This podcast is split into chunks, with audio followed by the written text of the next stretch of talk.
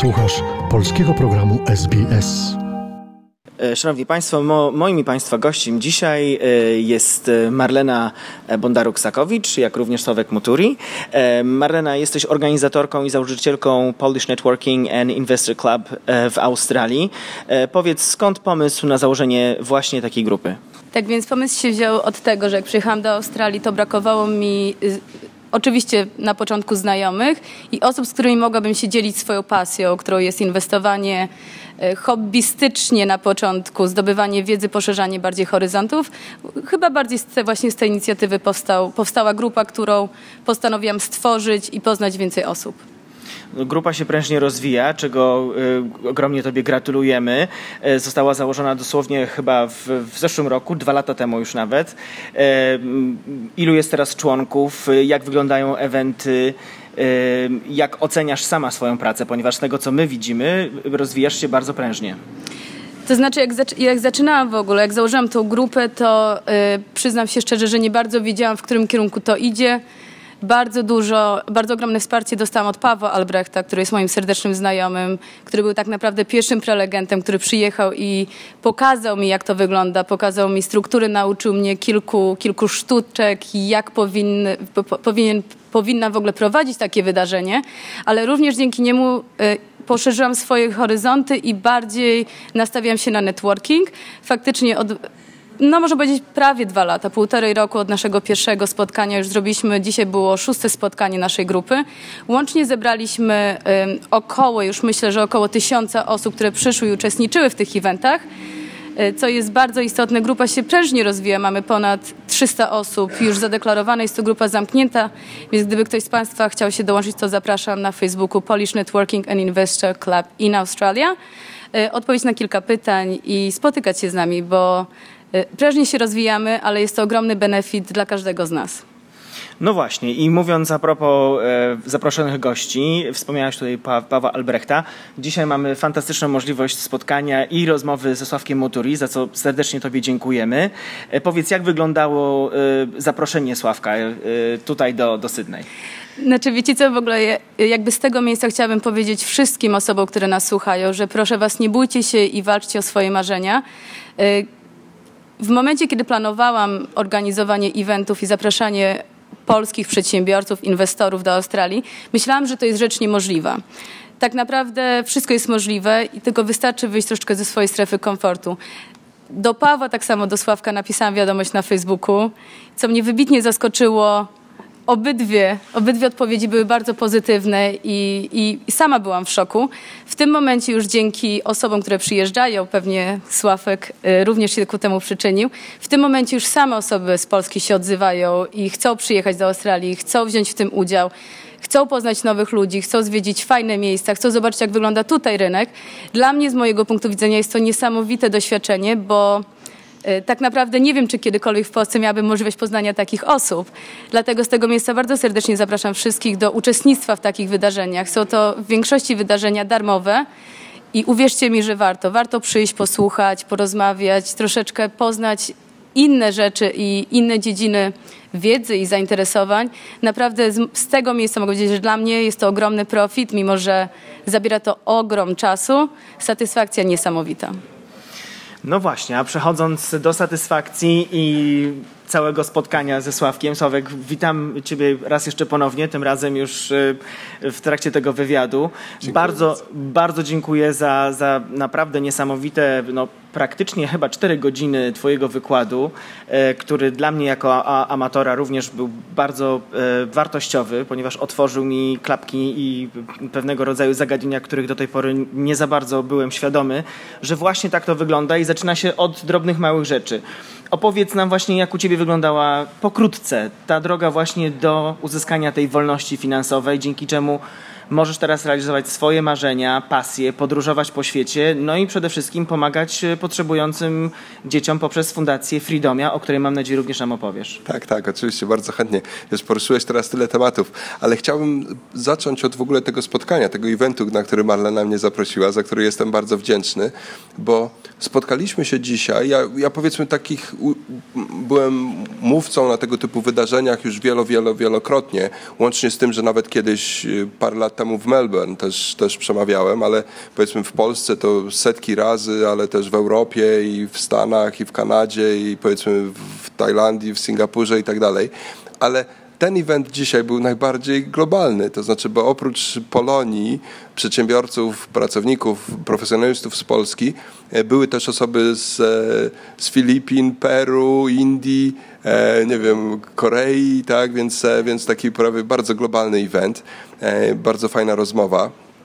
I teraz tak, pokrótce moja droga jak wyglądała. Znaczy, Hmm, z tym mam zawsze kłopot, żeby to jakoś zwięźle opowiedzieć, ale zaczęło się od tego, że pomimo, że urodziłem się w Polsce, w Łodzi, to nie lubię zimy. I szukałem sposobu na to, w jaki sposób mogę wzorem bocianów i innych migrujących ptaków po prostu uciekać z Polski na zimę, na pół roku. No i powiedzmy, wyjazd nie stanowiłby problemu, natomiast problemem było to, z czego utrzymywać siebie, rodzinę i tak dalej. I, wpadłem na pomysł, powiedzmy, który kiedyś podpatrzyłem u, u, w mojej rodzinie, u wujka, e, u brata mojego ojca, który w Kenii posiadał kilka domów na wynajem. I kiedyś w Polsce to w ogóle było nie do pomyślenia. Natomiast zdecydowałem, że będę kupował mieszkania na wynajem, kawalerki, po to, żeby za jakiś czas, w perspektywie 15 lat, tak co sobie wtedy określiłem, czy 18 lat, od 95, że do 2013 będę miał tych mieszkań wystarczająco, żeby móc zrezygnować z pracy zawodowej. I potem to, co mówiłeś, że właśnie to była taka metoda małych, drobnych kroczków, krok po kroku, krok po kroku, ale wszystko w jednym kierunku. To znaczy bez oglądania się na boki, bez oglądania się na to, że ktoś mi zaproponuje tam, że zainwestuję w coś i więcej zarobię. To mnie nie motywowało. Cieszyło mnie i motywowało to, że ja widziałem, że krok po kroku przybliżam się do tego momentu, w którym będę mógł zrezygnować z pracy realizować swoje marzenia. Tak, tak. E, przypomnijmy, że jesteś Polakiem, e, mama jest Polką, tata jest Kenijczykiem. E, tak. Również twój tata był wykładowcą na jednym z e, uniwersytetów w Warszawie. E, to znaczy wykładowcą to tak za dużo trochę powiedziane. On po prostu e, sam studiował na uniwersytecie i został poproszony przez jednego profesora, żeby przyszedł na, na zajęcia studentów, którzy u, uczyli się Swahili jako native speaker. Więc on miał po prostu parę tam spotkań z tymi studentami, no i wśród tej grupy studentów była moja mama i w ten sposób się poznali. Rozumiem. Czy talenty w takim razie biznesowe odziedziczyłeś bardziej po mamie czy po tacie? E, no bo na pewno zamiłowanie do jednak e, przebywania, mieszkania w ciepłym kraju, no to chyba jednak jest ta strona taty, taty prawda? Tak. I ciepłej Kenii. Tak, tak. Wiesz co, trudno powiedzieć, bo znaczy moi rodzice właściwie mój tata był, powiedzmy, e, jak to się mówi po angielsku, civil servant. Pracował dla rządu kenijskiego e, na dosyć wysokim stanowisku. Nigdy nie miał żadnej firmy, więc trudno mi było się zainspirować. Już trochę bardziej moja mama, ale to, to znaczy, to ona też nie była taką rasową, że tak powiem, businesswoman. Więc w sumie ja nawet, ja nawet siebie tak nie traktuję jako, jako kogoś, kto osiągnął jakieś sukcesy w biznesie. Ja po prostu ku, kupowałem mieszkania, to znaczy i zbudowałem portfel, który jest wystarczająco duży, żebym nie musiał pracować. Rzeczywiście założyłem też firmę w Polsce, która zarządza mieszkaniami na wynajem i pomaga inwestorom kupować te mieszkania i założyliśmy też taką platformę do grupowego inwestowania w mieszkania. Zebraliśmy już powiedzmy, nie wiem, kilkadziesiąt milionów złotych od inwestorów i, staramy się to dobrze zainwestować. E, więc tak, to, to jest dosyć duża firma, nazywa się Mzuri, w sumie grupa Mzuri to już jest 200 osób i które powiedzmy, no można powiedzieć, że jakoś tam założyłem, odnosimy jakieś sukcesy, ale tych sukcesów nie przypisywałbym sobie, bo ja tej firmie poświęcam dosłownie, kiedyś poświęcałem jeden do dwóch, maksymalnie trzy dni w miesiącu, a od czterech lat nawet tyle nie poświęcam, więc to już jakby samo się toczy. I, i więc spędzam czas około 11 miesięcy w roku, 10 miesięcy w roku spędzam w podróżach. A w przyszłym roku na przykład tylko w Polsce będę przez trzy dni, bo zamierzam odwiedzić każdy kraj na świecie, e, więc e, nie będę mógł nigdzie tak naprawdę dłużej być niż te dwa, trzy dni. E, także, także moją pasją są podróże i w tym się realizuję, i, a biznes jakby kręci się trochę obok. No, został dobrze zaprojektowany, dobrzy ludzie są, którym mogę zaufać i, i jakby i oni to rozwijają, dla, nie, nie tyle dla mnie, co nawet dla siebie. To bardzo piękne i ja przyznam szczerze, że właśnie w wielu artykułach e, mogłem e, e, dopatrzyć się, doczytać informacje, że spędzasz właśnie aż 11 nawet miesięcy w roku podróżując. Co robi Sławek Moturi podczas tego jednego miesiąca, kiedy ma wolny? Kiedy tak, kiedy Od mam wolno od podróży. podróży, tak, tak. No to wiesz, to jest tak, że przed każdą podróżą, przed każdą zimą i po powrocie na wiosnę robię sobie przegląd taki techniczny, czyli idę do lekarza, robię wszystkie badania i tak dalej, żeby potwierdzić, że jestem zdrowy, bo ogólnie nie choruję, ale no właśnie po to, żeby potwierdzić, że jestem zdrowy, no to to zajmuje tam zawsze parę, parę jakieś tam godzin czy, czy dni. E, Nazbiera mi się też zwykle w czasie takiego wyjazdu jakieś ileś tam spraw takich urzędowych, typu na przykład wymiana paszportów, bo mam dwa paszporty polskie, jeden kenijski, dwa równolegle, które są ważne, bo tak można w Polsce mieć. E, Więc, e, więc ja te paszporty i tak wymieniam przynajmniej raz na rok, a czasami nawet częściej niż raz na rok co też trochę zajmuje czasu. Em, I z, najwięcej czasu zajmuje mi pisanie książek, bo też mniej więcej raz na rok piszę książkę, wydaję nową książkę na temat wolności finansowej, inwestowania w nieruchomości na wynajem, a teraz po raz pierwszy napiszę książkę o podróżach. To będzie ponieważ jestem chyba pierwszą, czy może drugą osobą na świecie, która odwiedziła wszystkie 195 krajów należących do ONZ co najmniej dwa razy, to na bazie tych dwukrotnych odwiedzin w każdym kraju postanowiłem stworzyć ranking tych 195 krajów. Więc, więc to mi też trochę zajmie czasu. No, spotykam się też oczywiście z rodziną, ze znajomymi, no, więc, więc jestem bardzo zajętym emerytem. To nie, nie jestem takim emerytem, powiedzmy, który siedzi i powiedzmy, no, y, nie wiem, dubie w nosie i czyta gazety i w kapciach ogląda telewizję. W ogóle nie mam w domu telewizora. W ogóle w domu też nie mam internetu. Em, I jakby, a, a, a, a i tak mimo wszystko jestem zawsze bardzo zajęty. To na pewno. E, Również z tego co wiem, wysyłasz zawsze z każdego kraju, w którym jesteś, pocztówkę e, do znajomych, do przyjaciół. I, i, do, jest... i, do siebie samego też. I do siebie samego. Tak, wow, no, tak, to, tak, jest, to jest piękne, ponieważ wydaje mi się, że jest to tradycja, która chyba gdzieś troszeczkę zaczęła zanikać. Zanikać, niestety, Poprzez tak. właśnie Facebook, poprzez właśnie social media. Ludzie się Tak. pozdrawiają, prawda, na łączach internetowych. I ta pocztówka już chyba nie zawsze dociera z wakacji z pozdrowieniami. Wyszła, tak, wyszła z mody.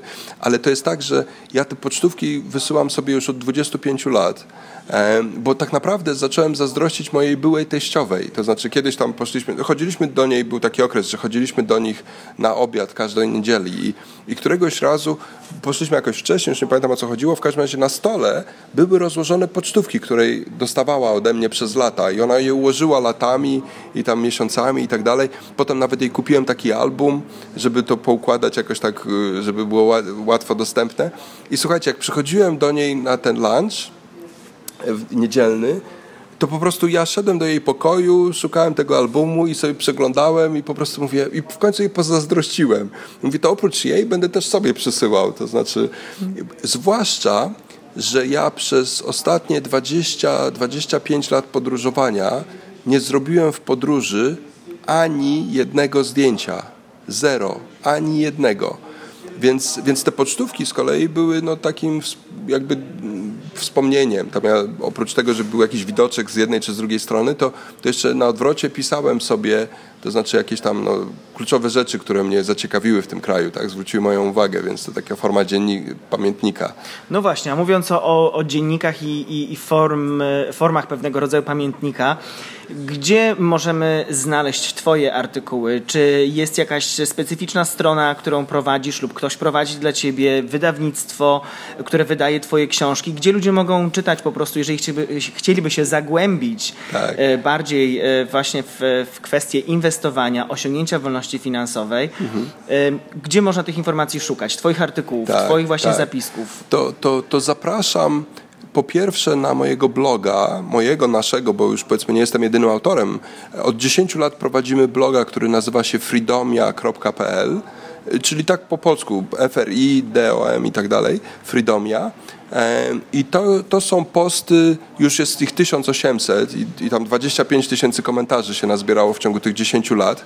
I to są posty, które pisaliśmy głównie na temat wolności finansowej, co to jest, e, jak inwestować w mieszkania, w jakie mieszkania, gdzie, czego unikać, e, jak zarządzać najmem, żeby to nie sprawiało jak najmniej kłopotów. I tam nie ma dużo o podróżach, bo nie chciałem, żeby to był kolejny blog podróżniczy. Więc to jest jedno źródło. Drugie źródło to zapraszam do sklepiku na stronie Mzuri, mzuri.pl i to jest, to jest nazwa firmy, która zarządza tymi mieszkaniami, ale też jest tam sklepik, w którym można znaleźć nie tylko moje, ale między innymi osiem książek dotychczas, które napisałem, właśnie te, o tej samej tematyce, czyli zarządzania najmem, inwestowania, wolności finansowej. Jedną książkę napisałem o Kenii, moja Kenia. Nie, nie jest to poradnik, nie jest to taki typowy poradnik turystyczny, bardziej to są moje wspomnienia, jak ja odkrywałem Kenię mając 4 lata, potem 7 lat, potem 13, potem 19, a i potem jako dorosły, więc to jest jakby tego typu książka która, która daje ci wgląd w Kenię jakby od kuchni, nie od tej turystycznej strony, tylko od kuchni, tak? Em, Ale, ale ostatnia z książek, którą, ostatnia z tych ośmiu książek, które do tej się pory się ukazały, o tych chciałbym wspomnieć, jeśli jeszcze mamy chwilkę. Oczywiście. Tak, że, bo to jest książka, która nosi tytuł Pomarańczowa Wolność Finansowa. Taki tytuł trochę pomarańczowy. Twoja wolność może być niebieska, zielona, czy czerwona, czy, czy żółta, czy jakakolwiek byś chciała, żeby była, czy chciał. Natomiast to jest zbiór z około 120 najlepszych artykułów z tych 1800, które powstały na blogu Freedomia. Wybraliśmy te 120 najlepszych, więc jestem naprawdę bardzo dumny z tej książki. Ale oprócz tego, to postanowiliśmy jako współautorzy, że cały zysk ze sprzedaży tej książki przeznaczymy na zakup czwartego mieszkania do fundacji, która już tych mieszkań ma trzy, a która zamierza mieć tych mieszkań 195, a potem tysiące, po to, żeby wspierać młodych młodych ludzi opuszczających domy dziecka, ponieważ już są pełnoletni, nie mogą, już nie są dziećmi, nie mogą mieszkać w domu dziecka, muszą opuścić, a w 85% przypadków nie mają gdzie, nie mają dokąd. To, my to nazywamy osierocony problem. I my ten problem zaadoptowaliśmy i chcemy ten problem rozwiązać. Polub nas na Facebooku, udostępnij innym, skomentuj, bądź z nami na polskim Facebooku SBS.